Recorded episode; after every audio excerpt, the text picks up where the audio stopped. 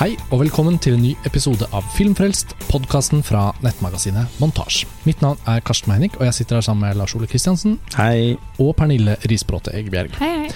Og vi har akkurat kommet hjem fra filmfestivalen i Berlin, men dette er faktisk vår siste festivalepisode, fordi filmen vi skal snakke om, Trainspotting 2, hadde sin verdenspremiere i Berlin. Det var der vi så den, men den har også kinopremiere her hjemme i Norge nå.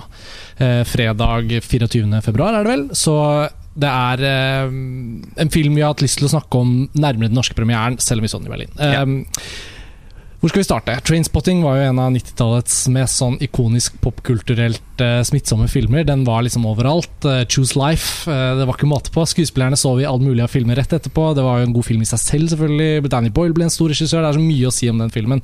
Og en oppfølger Og gjennombrudd for alle involverte. Ja, ikke sant? Det var, Altså, det var, det var ingen Hugh McGregor, Danny Boyle, Underworld, eh, som har denne Born Slippy-sangen, Ja. fikk seg vel også typ sånn sikkert ti ganger så mange lyttere etter Trainspotting. Ja, så, så det at liksom det kommer en oppfølger til Trainspotting, det har man jo visst fordi romanen var skrevet av uh, forfatteren. Porno. Irvin, Delch.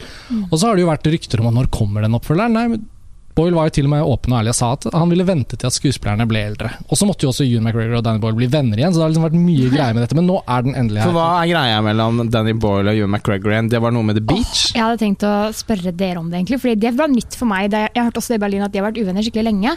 Men jeg tror det handla om at uh, Ewan McGregor har hatt en ganske sentral rolle i de tre foregående filmene til Danny Boyle før The Beach. Mm. Og så han han bare gått sånn der rett inn til Leo, og så på en måte bare skippa Ewan McGregor i, i mellomsjiktet, og så hadde han blitt dritforbanna. Og så har de vært uvenner i sånn ti år eller noe. Ja, for det er det jeg har fått inntrykk av. Og så tenker jeg jo at uh, Jeg vet ikke Det var sikkert litt kjipt av uh, Danny Boyle. Han var sikkert litt sånn sulten på sin nye suksess. Ja, for I et ferskt intervju i forbindelse med Trainspotting 2 så sitter de sammen og ler av det, og Danny Boyle sier 'jeg er veldig lei meg for det som skjedde'. Mm. Så jeg Men tror han tar skylden for det litt. da. Ja, men samtidig så tenker jeg at det er egentlig veldig forståelig ja, Fordi når uh, Leonardo DiCaprio nettopp er ferdig med Titanic, og hans popularitet var altså så enorm at hvis man hadde da Hvis man fikk sjansen til å velge han i hovedrollen til sin første på en måte amerikanske store produksjon Så gjør man jo det. Og boken, jo og boken til Alex Garland var jo også en 90-talls kultklassiker av sånne romaner. Du reiser til Thailand, du finner en Og hemmelig det var sånn toppa, det var sånn toppa lag. Fordi det var sånn Angelo Badalamenti på musikken, Darius Mm, mm, Konji mm. på foto. Alle var sånn hotteste, hotteste, hotte. Eh, Og, og og så- jeg må også innrømme at jeg er ikke sikker på om det ville blitt en bedre film med Ewan McGregor. Nei, jeg, det jeg er litt ikke. usikker på det. Nei. Men Shallow Grave Han Han ikke en beachboy, han er ikke en beachboy. Nei, jeg sier Leonardo DiCaprio passer bedre. Uskylden til DiCaprio kler Mm. den historien veldig. Jeg har aldri syntes at den filmen har vært dårlig. Jeg har alltid syntes at den har veldig mye kult i seg. Jeg må innrømme nå at det er veldig mange år siden jeg har sett den, men nå fikk, jeg- kjente jeg på en sånn skikkelig gjensynslyst. Mm. Den gikk jo Den var jo en ikke Filmen er god. Jeg hadde et gjensyn med den for ikke så Det er vel ett og et halvt eller to år siden. Og Men den det- var jo ansett som en slags sånn flopp når den kom. Det var den. Er det ikke en svenske som dør av en hai der òg? Det tror jeg henger igjen mest hos meg. Det er det. Er det. Og så er det noe sånn De sitter på sangen og synger Og det er noe veldig sånn umoderne over den. De sitter på sangen uironisk og synger sånn redemption song rundt Ja. leirbål. Altså det er mye. Men Det vi skal, ikke, vi skal ikke gå Men for den langt inn. dataspillsekvensen som må, Eller den Ja. videospillsekvensen må være evig grønn. Den uh... Det bringer oss jo til at Boyle startet som en veldig sånn 90-tallsregissør. Ja. Og det må man jo kunne si om Trainspotting, den første filmen. At den var jo med å på en måte sette en veldig sånn bred tone for et 90s uttrykk. Mm. Om du, du, fra musikkbruk til eh, referanser til liksom hele den der litt sånn sarkastiske tonen, holdningen til livet etc. etc. Men Trainspotting 2, Pernille. Hvor, Mm. hvor, er det vi liksom, hvor er det vi kommer inn i livene til disse rollefigurene? Kan du bare sette opp det litt? Eh, og, og, og, og du så jo originalen om igjen før Berlin. Så kan, Mm. du, kan du starte litt og si hvordan burde man forberede seg til eh, Trainspotting 2? Jeg synes at man skal, Etter at du har kjøpt eh, billetter til å gå og se den på kino, synes jeg du skal se den enten rett før eller kvelden før. Gjerne med de du skal gå og se den Originalen. Ja, originalen selvfølgelig. Fordi det er, eh, altså, sånn, det er, det er virkelig nødvendig, og jeg syns det gagner filmen utrolig mye. Fordi her er det så mange fantastiske, fine små hint til den originale filmen. Spesielt da til fansen. Uh, så jeg satte veldig pris på det. Uh, og jeg tror nok at vi, det er meningen at vi skal befinne oss i type realtid. At det er da, da var de i 1996, og nå er de i 2016. Og Mm. de har akkurat blitt 20 år eldre. Og etter den ganske katastrofale slutten på den første filmen Det er jo lov til å spoile den her nå, eller? Ja, det er vel ikke. Den, det må være lov. Ja, Hugh McGregor stikker av med alle pengene som de har klart å fikse sammen. Han klarer endelig å løsrive seg fra denne giftige gjengen sin. Han velger livet. Han velger livet, og han innrømmer også at han er en fæl person. Eh, Så han har hatt en slags eh, enorm dannelsesreise eh, underveis, og vil gjøre opp for uh, ugangen sin. Samtidig som man skjønner jo han litt. Altså jeg, bare, jeg så den også nettopp igjen, den første filmen, uh, for å varme opp til Trainspotting 2. Og jeg, jeg, det er noe Altså, jeg bare f Før så når jeg har sett den, da så har jeg også liksom sittet igjen med følelsen av at, at han gjør en veldig kjip ting. Han gjør jo det, for han svikter, Han svikter jo vennene sine. på en måte. Uansett hvor Men han er kjipe de vennene kan ja, være mot hverandre. liksom hverandre. noe med at Men han er jo liksom Han er jo litt smartere. Han har mer potensial enn de han henger med. Han er veldig malplassert blant dem òg. Han er jo det, så sånn sett så støtter jeg han litt i det valget òg. Men eh, Eller ja, nå, skal jeg, ikke- nå ble plutselig filmen virkelig for meg. Han svikter ikke spødd, da. Fordi han legger faktisk igjen den cutten hans. Det er jo helt nydelig. Ja, Selv om det ikke er mye penger, så er det jo helt nydelig. Fordi Nei. han bryr seg faktisk om spødd. Ewan Det går ikke Bremner an å ikke være glad i spødd. Nei! Nei, altså han skuespiller skuespilleren nå, Hver gang han dukker opp i andre filmer, så tenker jeg jo på spødd. Ja. Eh, jeg husker han spesifikt godt gått det er fra bare spødd. Har aldri vært noe annet ja, spødd. Men det er ganske utrolig den lille rollen han har i Black Hawk Down av Ridley Scott, hvor han spiller basically Spud. Altså, han, han får jo skutt ut ørene Ja, sine, er husker du det? det. Tidlig i filmen. Ja. Så han går hele tiden rundt som en slags sånn døv marine, som er liksom omgitt av, eh, av uh, forskjellige typer klan, klanfolk og islamister der i Mogadishu i Black Hawk Down. Jeg synes Ewan Bremner er jo en veldig uttrykksfull skuespiller, men han, Mm. kan jo ikke, han er jo spødd. Så det, alt Ja. han gjør, er jo på en måte en variasjon over spødd. Og han returnerer jo også til Trainspotting 2. Jeg føler at spesielt ansiktet hans bærer jo liksom filmen alene noen ganger. Og egentlig er han faktisk, synes jeg, faktisk en av de aller fineste forlengelsene i Trainspotting 2. Med utgangspunktet man har i Trainspotting 1, syns jeg Spud er den rollefiguren som kanskje tjener mest på en oppfølger, kan man si. da At vi får virkelig Ja, følge han litt lenger. Ikke Sickboy for meg. Nei, ok. Altså, jeg syns nok eh, utgangspunktet for, for at denne filmen eh, eksisterer, holdt jeg på å si, er jo ja, at det ble skrevet en roman til, og at det ventes så, men det er også, også litt fordi at eh, man har en kultklassiker som Mm. man kan skumme fløten på, på en Mm. måte. Og i utgangspunktet jeg elsker Danny Boyle, da. så det jo, gjør at jeg uansett er kjempeinteressert i den filmen. Men, uh, og er veldig begeistret Du ville ikke vært like interessert i Trainspotting 2 hvis det var en annen regissør. Da ville jeg faktisk nesten ikke vært interessert i det hele tatt. Nei. Og ehm, i utgangspunktet syns jeg dette er liksom den verste formen for oppfølger. Sånn der, På papiret, liksom. Ja, sånn der, ja, og, så blir det sånn, og så er det litt sånn spennende å finne ut hva som Altså, nå møter vi de 20 år senere. Hva har skjedd, liksom? Det syns jeg alltid er en jævlig døll måte å liksom tenke oppfølger på. Hvis jeg vil ha en oppfølger, så vil jeg enten ha mer av det samme, sånn som Malento, Mm. eller så vil jeg ha Men hvordan fortsetter historien? Jeg vil ha mer. Mm. Eh, og dette er jo da ingen av delene.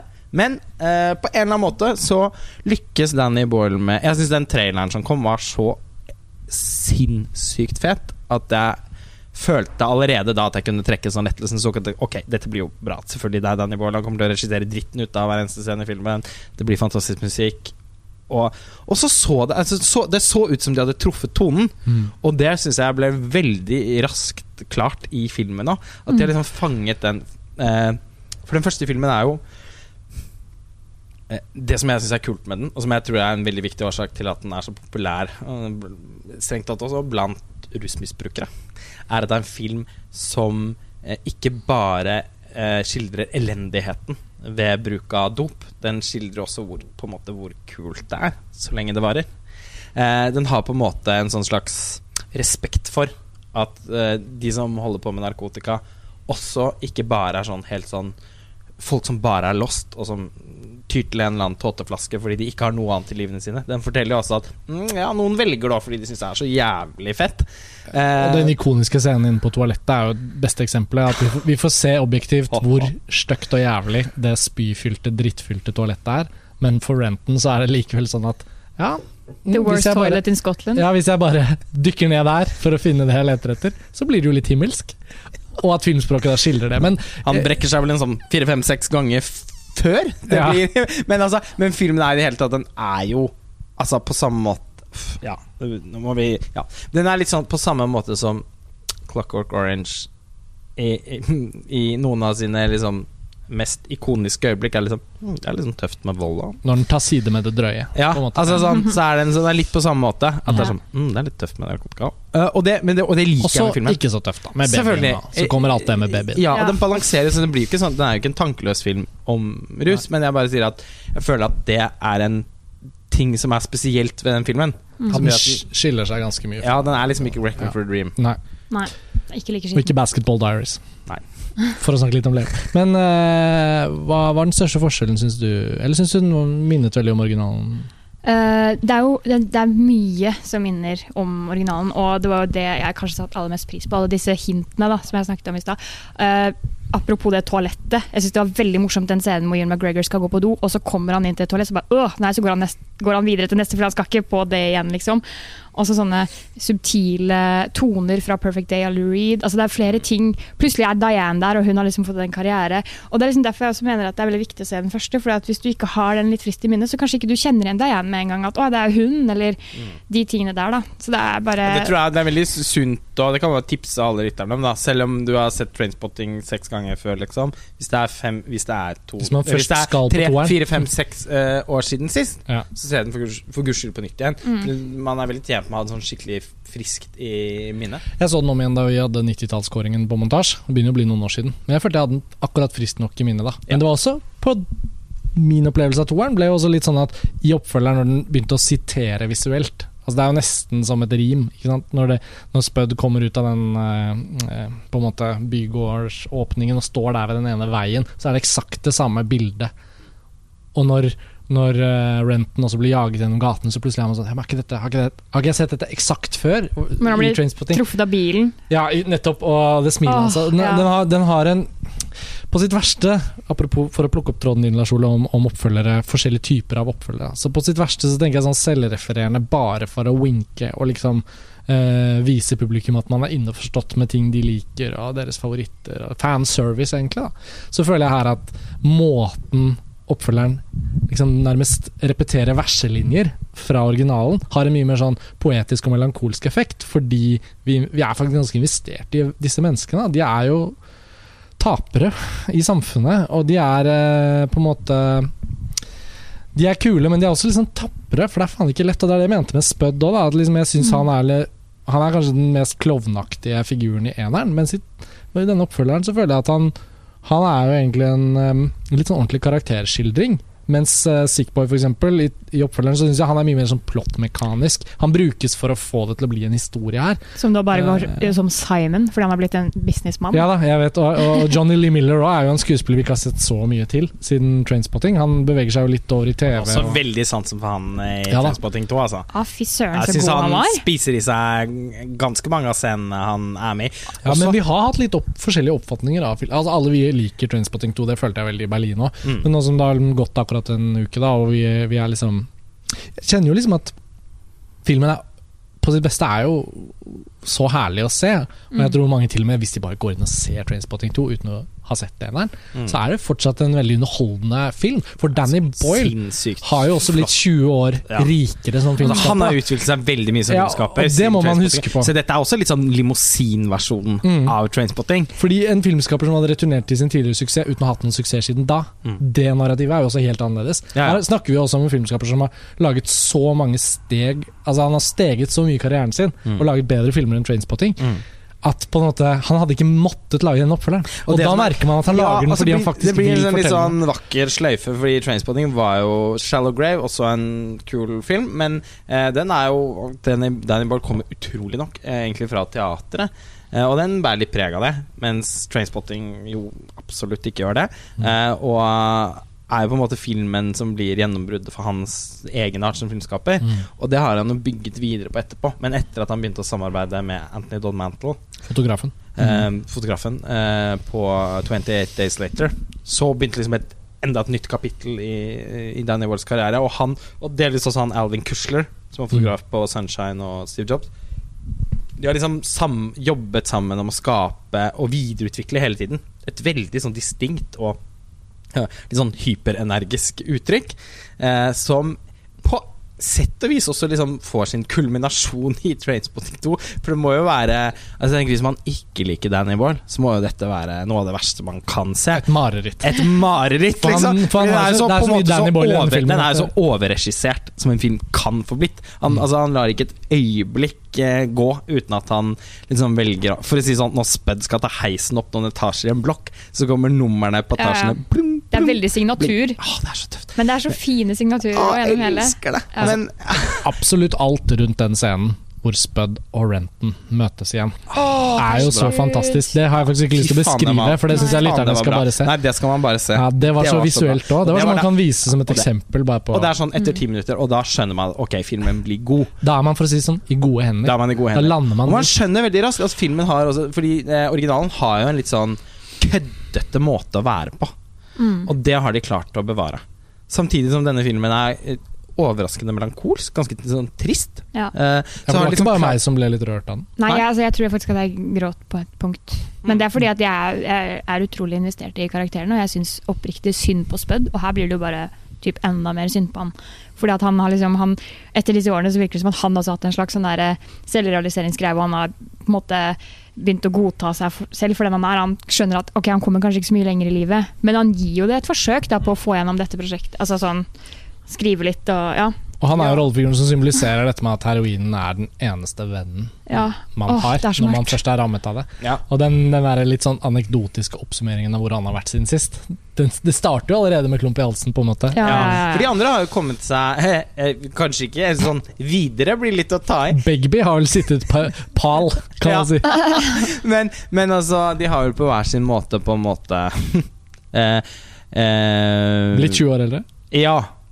Ikke sant? Og liksom, det er ingen av de som er heroinister lenger. Bortsett fra Spud, da. Mm. Så han eh, Det blir sånn umiddelbart uh, gripende med han. Men Mm. jeg syns også hele filmen lykkes med å være sånn, sånn, litt sånn sørgelig slags generasjonsportrett. Eh, Alle de kule folka fra 90-tallet. ja, som ikke er noe kule lenger. Ja. Og som sitter på en eller annen pub og er litt sånn Hvem er han? Eh, Han var redaktør i Natt og Dag en gang på 90-tallet. ja, det er Altså sånn- skikkelig sånn gener Generation X eh, Ja. på slaktebenken, på en måte. Uh, den, had, den har en innmari Selv om filmen har masse sånn typisk for Danny Bolla, litt sånn gledessprutende scener. Mm. Eh, og med sinnssykt fet musikk. Altså, det, er en, sånn- Ja. det er en scene for eksempel, hvor de er på Hvor de tar seg en runde med heroin. da De klarer ikke å dy seg lenger etter å ha vært på en sånn landtur sammen. Så- Nostalgien blir Ja, for sterk. Nostalgien blir for sterk. Så bare, Ja. nei, fuck it, dere, vi tar en Vi Ja. kjører en runde nå. For gamle Eh, dager. Ja, så for, for gamle dagers eh, skyld. Og så legger de sånn her på gulvet. Mm, En leilighet Fylt av sånn- DVD-er og flatskjermer. fylt av DVD-er og flatskjermer. Og så er det en sånn uh, projektor som projiserer et sånn opp-ned-bilde av sånn impalaer som løper bortover en savanne, opp ned på veggen. Og så tar kameraet oss med vroom, litt sånn på magisk vis inn igjen eh, på en nattklubb, hvor de også har tilbrakt tid. Så nå blir det sånn tid og rom går litt sånn i oppløsning. Og eh, hvor, disse, hvor det er sånn allsang til Radio Gaga, Radio Gaga ja. av Queen. Altså, det er så bra Ja. at man blir helt sånn så- Revet med. ja, og, og det er sånne sekvenser som man bare blir sånn Å gud, så fett og så bra og så gøy. Men på tross av liksom at den har ganske mange sånne sekvenser. En utrolig morsom sånn slåssesekvens også, inne på puben der. Mm -hmm. um, I Mio McGregor og han Åh, Åh, hva heter han? Robert Carlyle? Nei. Nei. Johnny Lee Miller. Ja. Johnny Ja, ja. um, men Ja, på tross av det så har den liksom hele tiden, føler jeg, et, en underliggende, underliggende melankoli. Jeg syns kanskje den svakheten jeg følte litt på, var litt eh, egentlig da Jeg vil ikke beskrive det konkret, da, men i siste tredjedelen av filmen så tenker jeg liksom ok hva gjør de nå? Skal de nå avslutte sånn at vi skal forvente enda en oppfølger, eller skal de avslutte ved å trekke noen, noen veldig lange tråder tilbake til Trainspotting igjen, eller skal de følge Fordi overfladisk sett så har jo disse, denne filmen også et plott, altså sin egen historie, som er sånn Ja, eh, liksom eh, Sick Boy, da, eller Simon, har en eh, kjæreste, og hun er en ung eh, mm, luksusprostituert på en måte, som også vil være med å starte et bordell i den gamle puben, og de skal søke penger, noen sånn EU-midler for videreutvikling av gamle industriområder. sånn. Det er mye humor her, da, selvfølgelig, men så, liksom, så, så skal liksom disse plottet gå opp, og Begby skal ha sin hevn, og det er liksom sånn og når ting begynner å liksom snøre seg til der, så kjente jeg litt at filmen var innom en sånn timinuttersfase, hvor den ble litt bare en film som fortalte en historie. Og dette er jo en film som er på sitt aller beste når den kombinerer eh, den langsiktige nostalgien knyttet til den forrige filmen med et generasjonsportrett som er ærlig om hvor trist det er, og så Danny Boyle oppå det. Så du får liksom sånn pålegg av Danny Boyle, masse liksom Danny Boyle-innhold. Alle grepene hans. Altså det er jo ikke ett sted i filmen hvor jeg følte at han var for mye av seg selv. Jeg følte det var, det var her, det er, det, det, Dette er hans verden, og han har tillatt, seg til å gjøre hva han vil. Så den lille liksom vendingen mot å være et narrativ som også skulle liksom gå opp, da kjente jeg sånn "Mm, Nå glir jeg litt ut, og så glir jeg tilbake igjen, da. Og utover det så er innsigelsene mine på sånne, på sånne ting som egentlig ikke er innsigelser. Fordi filmen er, den er ikke så opptatt av å være perfekt, og det tror jeg er ganske smart. Og den prøver seg på en sånn Choose Life-reprise. Oh, med Um, moderne vri. Sykt ja. moderne vri. Og det var sånn Oi! Og så kom det Som sånn du, som du sa, og det er jeg enig i. Det var litt som en sånn påhengsmotor som dere, likte, dere likte ikke det? Jo, Jeg likte det til slutt. Endte med å like det. Men jeg kjente også. Jeg kjente sånn Jeg husker ikke ordrett, da, men sånn når det blir sånn Choose Facebook, choose Twitter, choose Instagram, Snapchat oh, Da kjente jeg sånn Å, å nei, dette vet jeg ikke. Og så liksom begynte han å dra på. Han ga seg jo ikke. Nei, for jeg dro så langt at det ble Tok jo tempen på samtiden. Jo, men da begynte det å funke. Men, poenget Ja, altså- er at jeg føler også at da Trainspotting kom med de greiene sine, så var det ikke sånn at samfunnet allerede var der. Det var fordi Trainspotting kom med det, at folk begynte. Og her kjenner jeg at Trainspotting 2 er ikke akkurat liksom avantgarde med en del sånne type ting. Det blir jo på en måte enda et ledd av nostalgi, og fordi det er på en måte det er, sånn det er en sånn type Det føler jeg er egentlig en sånn fanservice-scene, da. Litt. Mm. Det er jo det. og jeg syns den hadde ganske tungt for å komme i gang. Også fordi det virker som om replikkene vokste litt i munnen på Hugh McGregor eh, foran det vinglasset på det bordet på den restauranten. Mm. Det var litt sånn underlig sted å gjøre det, husker jeg tenkte. At sånn, Ja. Hvorfor skal han gjøre det her nå? Og hvorfor for henne? Liksom? Ja, og hvorfor henne mm. men, eh, men jeg må innrømme òg at jeg følte at han dro det så langt. Og det virket som han eh, liksom Hugh McGregor spilte seg inn i det. Mm. Og så til slutt så endte jeg med å like det. Men den hadde kledd å være litt mer inspirert av Spike Lee. Altså Det hadde vært bedre, for, etter mitt syn, om Ewan McGregor var mye mer isolert, sånn som Edward Norton er i 25th Hour. da At han liksom er på do, står og ser seg selv i speilet. Og så at det blir sin egen montasje som er helt sånn Mm. separat. da Hele den fuck you-montasjen fra 25th Hour, som er så fantastisk. Åh, den er Ja, fantastisk. og den er jo sikkert også litt inspirert av typ, Eller i hvert fall den henter jo ting fra en film som Trainspotting, da. Ikke direkte, men sånn Denne monologen som kan få en sånn fantastisk bro over å bli en montasje og bli liksom et statement.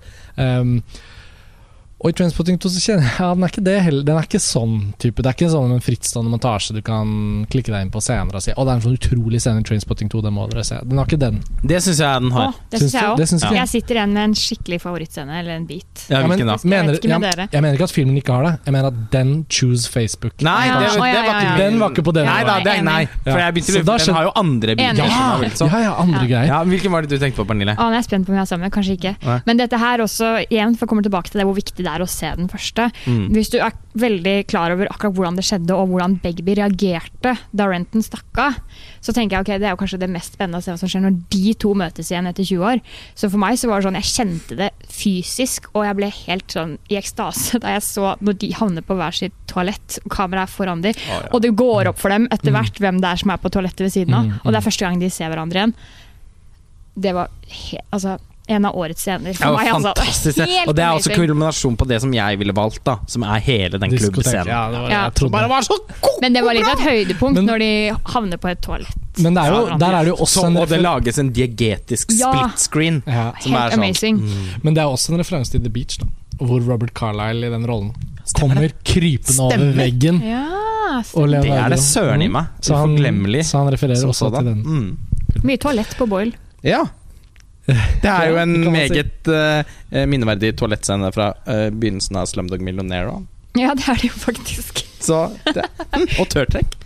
Danny Boyle er jo en uh, filmskaper vi har vært innom mye, syns jeg, siden vi startet montasje for snart åtte år siden. Altså, øh, han har jo også vært i en fase nå, fra Slumdog via 127 timer. Steve Jobs, som ikke har blitt noe dårligere, og, øh, og, og Trainspotting 2. Sunshine. Ja, den er jo litt eldre igjen, da. Men nå tenkte jeg på de filmene som har kommet de siste fem, seks, sju, åtte årene. Altså, han har jo vært, han har vært on the roll. Altså. Trans er kanskje ikke min favoritt, men den er jo veldig spesiell.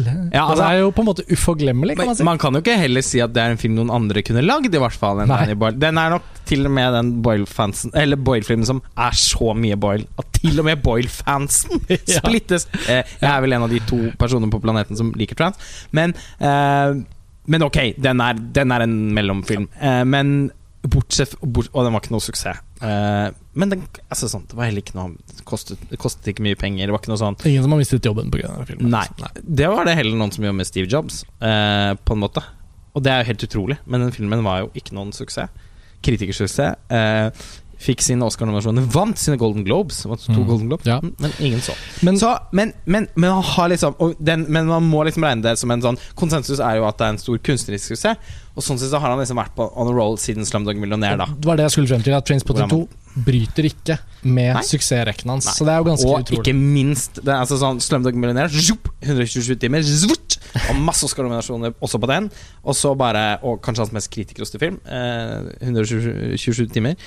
Og så denne helt utrolige OL-åpningen som han regisserte. Jeg tror du er en av de få jeg kjenner som kan referere til OL-åpningen i London som et Danny Boyle-verk, Ja, men, men men for all det- del, benytt anledningen. Ja, men altså, altså Det er jo på en måte bare uh, synd og skam at det ikke er flere som kan det. Fordi det er jo et Danny Boyle-verk. Uh, og det ble jo Det var ganske morsomt fordi at han er så profilert, og særlig da. Da var han liksom Da var han på, Danny Boyle har aldri vært hottere enn det han var når han skulle ha ansvaret for den eh, OL-åpningen. Isle of Wonder, som det heter. Jeg har den på Blu-ray sett mange ganger. Eh, ja, det er litt ridiculous, ja, da. Men, men, men jeg bare syns den er så fantastisk. Og, men, og den ble jo faktisk anmeldt mange steder, altså som et Danny Boyle-verk. Ja, Så Blant annet en Playlist hadde en sånn A pluss-anmeldelse. Liksom, Wow. This may be Danny Boyles masterpiece after all. Og det er det nesten litt. Fordi han bruker alle de egen, altså sånn, Det er ingen av de særtrekkene hans som filmskaper som ikke er til stede i den halvannen timen. Altså Da vi snakket om norsk film på 90-tallet, så var jeg også innom Bentein Bårdsens åpningsseremoni til Lillehammer-OL, men jeg fikk jo ikke noe, jeg fikk jo ikke noe men, Det var ingen som og hørte den som er så ræva òg. Med vettene? det er eneste jeg Disse vettene. Og så var det jo faktisk Zhang Yimou som hadde åpningen i Beijing 2008. Ja, så og det er jo en så usjarmerende eh, måte å gjøre OL-åpning på. Det er sånn, ja, vi har fått eh, Der er det faktisk 10 000 fiolinister, og de har trent siden de var født. Så, og nå er de fire og et halvt år, så det er veldig Altså, det, det berører meg overhodet ikke. Nei. Men det Danny Boyle fikk til, eh, med altså, hans fortelling om den industrielle revolusjonen og Englands populærkultur, med sitt sånn hyperenergiske f- sånn filmspråk, rett og slett. da mm. Overført til eh, en scene. Han er jo Og han har jobbet med musikaler, han er teaterregissør. Altså, det var bare sånn Han fikk brukt alt han kunne. Og originalmusikken som Underworld har laget til Isle of Wonder, syns jeg kanskje nesten fuckings er det beste de har lagd. Alle må se det! Pernille, har du sett Nei, dette var Danny Boyles helt nytt for meg. åpningsseremoni fra OL Nei, jeg visste ikke at han hadde gjort det 2008? engang. For å komme tilbake til Trainspotting 2. Nå, nå, nå har den jo Jo, fordi jeg liker at du har tatt den om Jeg, jeg syns jo vi måtte jo ta. Boyle, og Ja, da måtte det jo bli ja. åpningsseremonien. Ja. Aldri fått Men- anledning til å snakke så mye om den Nei, nei, OL-åpningen. For å bringe oss hjem, nå er vi jo på slutten av episoden. Og, og filmen hadde jo premiere i Berlin, Mm. og den kunne jo fint vært i hovedkonkurransen. Selvfølgelig kunne Eh, Den var selvfølgelig uten, i hermetegn selvfølgelig utenfor konkurranse, fordi filmer som på en måte bruker eh, festivaler som en slags lanseringsplattform, blir jo som regel da akseptert både på kvalitet, men også på stjerner og hele greia. Så den var utenfor konkurranse. Men jeg vil jo alltid forbinde denne utgaven av Berlinalen med Trainspotting 2. Selvfølgelig. For det var en av de beste filmene vi så. Ja, det var jo generelt ganske labert eh, program, og jeg fikk jo ikke sett de to som dere likte best. Så å tenke liksom at Trainspotting 2 står igjen som den beste filmen fra Berlinale, det sier ganske mye om det totale Jeg så vel kanskje tolv filmer eller noe. Sier en del om Trainspotting 2, da. At Ja, den faktisk det- var så bra. Absolutt, men det er sånn, man skulle jo ikke tro det, fordi jeg føler at i Berlin skal man se de der eh, ikke så veldig hypa filmen og bare oppdage en eller annen sånn skjult perle eller Ja, det er på som jeg ikke fikk gjort, da. Det Men er derfor man drar på så- festival, ikke for å få én en ukes for se i forveien før premiere på. Nei, Trainspotting. nei, det skal sies. Men, men i hvert fall, jeg ville jo nevne det nå mot slutten, at uh, den tross alt var jo da, en festivalfilm. Og, og hvis man ser uh, ja, For hver tiende festivalfilm av tidvis ukjente regissører fra land man ikke ser så fil mye film fra, f.eks., så er det veldig deilig at det kommer en Trainspotting 2 i programmet som man kan liksom lufte ut med. Og så går man tilbake og ser ti filmer av eh, mindre kjent kaliber, og så gjør man noen oppdagelser, men så må man altså lide seg gjennom mm, en del. Men eh, det er noe med kunstnerskapet til Boyle som gjør at ja, hvis han ikke hadde vært så berømt, da Hvis dette hadde vært liksom på, lavere, på en lavere skala, så, så er den jo av dette kaliberet. Det er jo et kunstverk som gjør helt drøyt visuelt utforskende ting. Ikke så utforskende for Boyle, for han holdt på med de samme tingene lenge. Men hvis du sammenligner med noen av de sånn super, sånn ekstremt konvensjonelle georgiske flykapringsfilmen vi så, f.eks., Lars Ole, Ja, ja. som er sånn verdens mest middelmådige type festivalfilm, så tenker jeg sånn. Hvis du ser på formgrepene i Trainspotting 2 ja, ja. bare fordi skuespilleren er berømte, og fordi at den har liksom sånn, så betyr det jo ikke at det er noe lettere for Boyle å få gjennom alle disse grepene Nei. i maskineriet. Så er ser man sånn på en del av disse smale festivalfilmene, og så er det så konvensjonelt. for- Jeg tror mange tar han litt for mye for gitt da, fordi eh, det er ganske spesielt og mm, Han har jo alltid hatt en altså, En helt vanvittig integritet, da. Han har, han har aldri, det han ikke har gjort, bortsett fra The Beach Han har liksom ikke tatt på seg en sånn megaproduksjon. Og det tror jeg er fordi han vil ikke gi avkall på greiene sine. Og han har jo Han har liksom klart å finne prosjekter som er i en størrelsesorden som gjør at han har komplett kunstnerisk frihet. Og det er ikke så veldig mange egentlig som klarer å holde det gående gjennom en hel karriere, men det har han, og det må man bare bli imponert over. Og så har han jo den fordelen at alle vil jo jobbe med han. Han kan jo få hvem han vil, virker det som, til Det- å komme i filmene hans. Ja, det virker sånn. Han virker jo som en veldig kul fyr. Jeg har hørt at, Det har jeg også lest da i intervjuer og sånn at det skal, skal være ganske røft på settene hans. Ikke fordi at han er vemmelig, for han er jo, virker jo Altså, De fleste omtaler han som en veldig sånn herlig, energisk, positiv også på en måte type, men han bare er innmari krevende. Jeg fikk veldig det inntrykket der, for jeg gikk jo på pressekonferansen etter jeg så filmen. Ja. Eh, og han var jo så blid og så fornøyd, og du bare merka hvor glad han var for å liksom endelig slippe løs dette greiene her. Han så rett og slett ut som den beste mattelæreren du noen gang har hatt. Ja, det er bra eksempel, egentlig. Mattelærer. Sånn, sånn, som Altså, som på en energisk måte skal Ja. lære deg noe som alle Algebra, dere! Ja, I dag skal vi starte liksom med algebra! Med rutete skjorte med vest over og Ja, veldig sånn Ja, det er så rart at, den liksom, at han er så, liksom, så cool òg. For han har en sånn popkulturell teft som veldig mange kan se langt etter. Og det er jo heller ikke noe som er så flaut som sånne litt sånn tilårskomne regissører som skal liksom «Å, Så blir det litt sånn kult med den låten, og så bare faller det helt igjennom. Mens Danny Boyle, han er liksom Han kan smøre på med Prodigy og, og Underworld og så, så mye han vil. Han har på en måte bevist at han, kan, eh, at han litt har lov til å gjøre hva han vil. Hvis vi skulle liksom hatt noe håp for Boyle fremover, så tenker jeg at det ene er det selvsagte. At han bare fortsetter å være Danny Boyle og lage filmene sine, og at vi får masse mer Boyle. Og at han ikke fordyper seg i noe TV-prosjekt. Ja, ikke noe TV på han. Men hvis han først har vært så flink til å holde seg unna greiene Og jeg er blitt så lei av James Bond, men kunne vi ikke likt litt Det kan jo bare være én film. Sam Mendes, jeg vet ikke hvorfor han ville gjøre to, men jeg føler ikke at vi på en måte i hermetegn mistet han heller.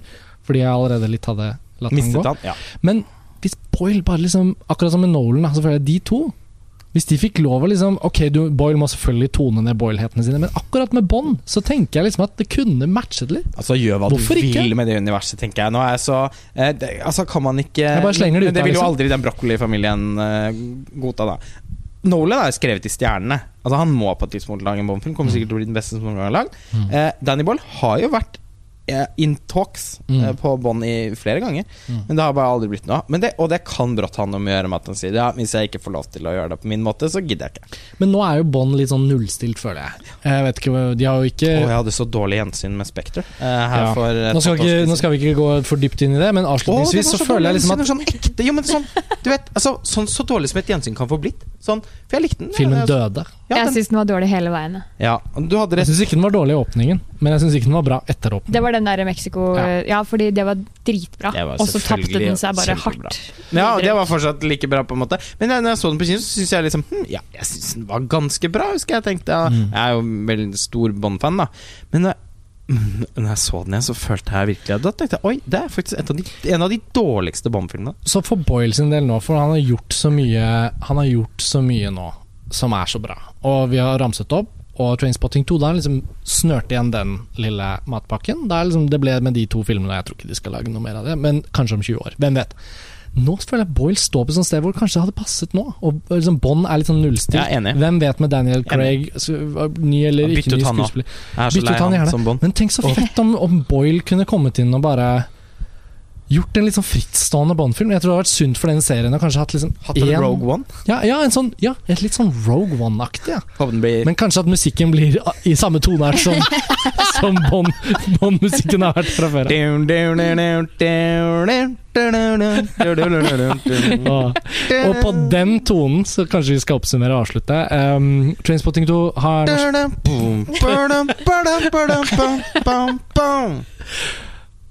Vi er ferdig for denne gang. vi kommer til å le oss ut av dette lokalet. Takk for at du er med igjen, Pernille. Lars Ole, vi høres jo igjen snart. Eh, Det nærmer seg Oscar, så for lyttere som har fulgt med, så tror jeg de vet hva den neste episoden av Filmfrelst kommer til å handle om. Takk for nå. Ha det bra. Ha det.